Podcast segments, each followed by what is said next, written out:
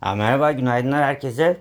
Ee, Koza Altın dün kapanıştan sonra e, sonuçlarını açıkladı. Ee, bilanço tarafında e, hafif karışık diyebileceğimiz bir e, resim var. Ben net kar tarafından başlayarak çok e, kısa özetleyeyim. E, net karda yıllık %68'lik bir e, artış var. 662 milyon TL olarak e, gerçekleşti. E, bu rakam da aslında bizim ve piyasa beklentisinin %15-16 kadar e, üstünde. Şimdi burada güçlü net kar e, büyümesinin aslında operasyonel e, gelirlerden e, ziyade şirketin yatırım faaliyetlerindeki gelir artışından e, kaynaklandığını e, görüyoruz. Hani Kozal'ın birinci çeyrek sonu itibariyle bilançosunda 6.7 milyarlık bir e, nakdi var ve son dönemki mevduat faizlerinin de artışı göz önüne bulundurduğu zaman buradan çok ciddi faiz geliri e, elde etmiş. Aslında bu nakdin bir kısmı da e, döviz mevduatta. Oradan kur farkı e, gelirleri de var.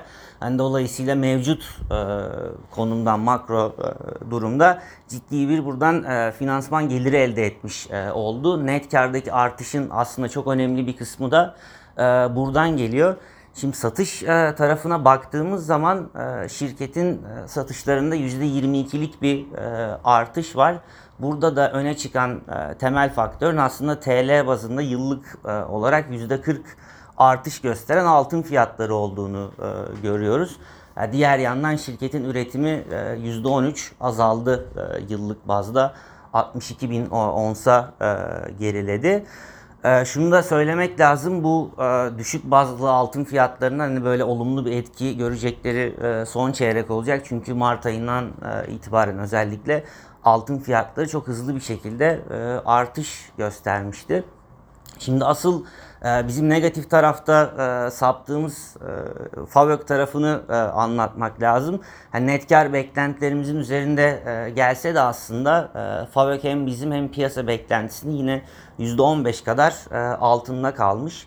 Şirket 413 milyonluk bir FAVÖK elde etti e, bu çeyrekte. Yıllık bazda e, yatay bir seyre işaret ediyor.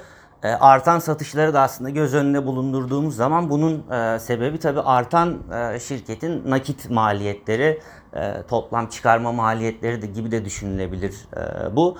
Ons başına şirketin maliyetleri geçen seneki 613 e, dolar seviyesinden şu anda 913 e, dolar seviyesine çıkmış. Bu bizim aslında 740 dolarlık beklentimizin bir hayli üzerinde. Ee, burada öne çıkan birkaç tane e, konu var. Birincisi şirket e, son 3-4 çeyrektir arama faaliyetlerine çok e, hız verdi. Oradan bir araştırma gelirlerinde ciddi artış var %87 kadar. Bir de içeriğini göremediğimiz genel yönetim giderleri kalemi var. Burası da neredeyse ikiye katlamış ama nereden geldiğini göremiyoruz artışın. E, dönemsel bilançolarda bunu paylaşmıyorlar ancak yıl sonu e, rakamlarda var.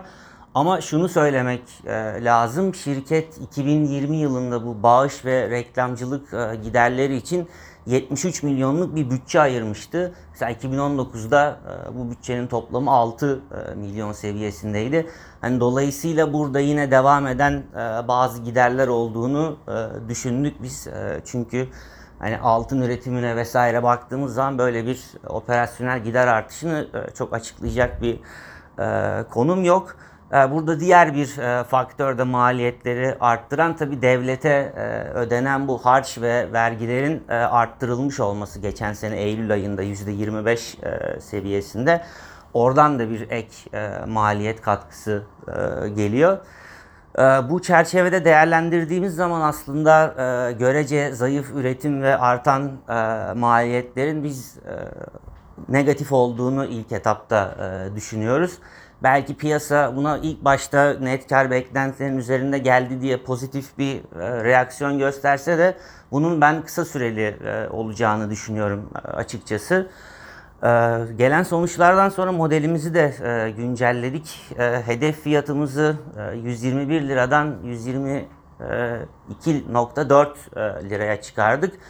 E, burada aslında artan maliyetlere rağmen yukarı yönlü revizyonun sebebi bir e, makro tahminlerimizdeki e, değişiklikler. Ee, diğer konuda rakamlarımızı biz 2020 e, yıl sonu rezervleriyle e, güncelledik. Oradan aslında ciddi bir katkı geldi e, toplam üretim e, rakamlarına 100 bin onsa e, yakın. Ana sebep bu aslında e, yükselen maliyetler artan üretimi bir şekilde e, dengelemiş oldu. Ee, Biz bu seviyelerin mevcut rezerv rakamları e, ışığında konuşmak lazım. Koza için e, makul olduğunu e, düşünüyoruz. Dediğim gibi e, ilk başta pozitif bir e, reaksiyon görsek bile e, ben sonuçlara orta vadede tepkinin negatif olacağını düşünüyorum. Herkese iyi günler hatta iyi hafta sonları diliyorum.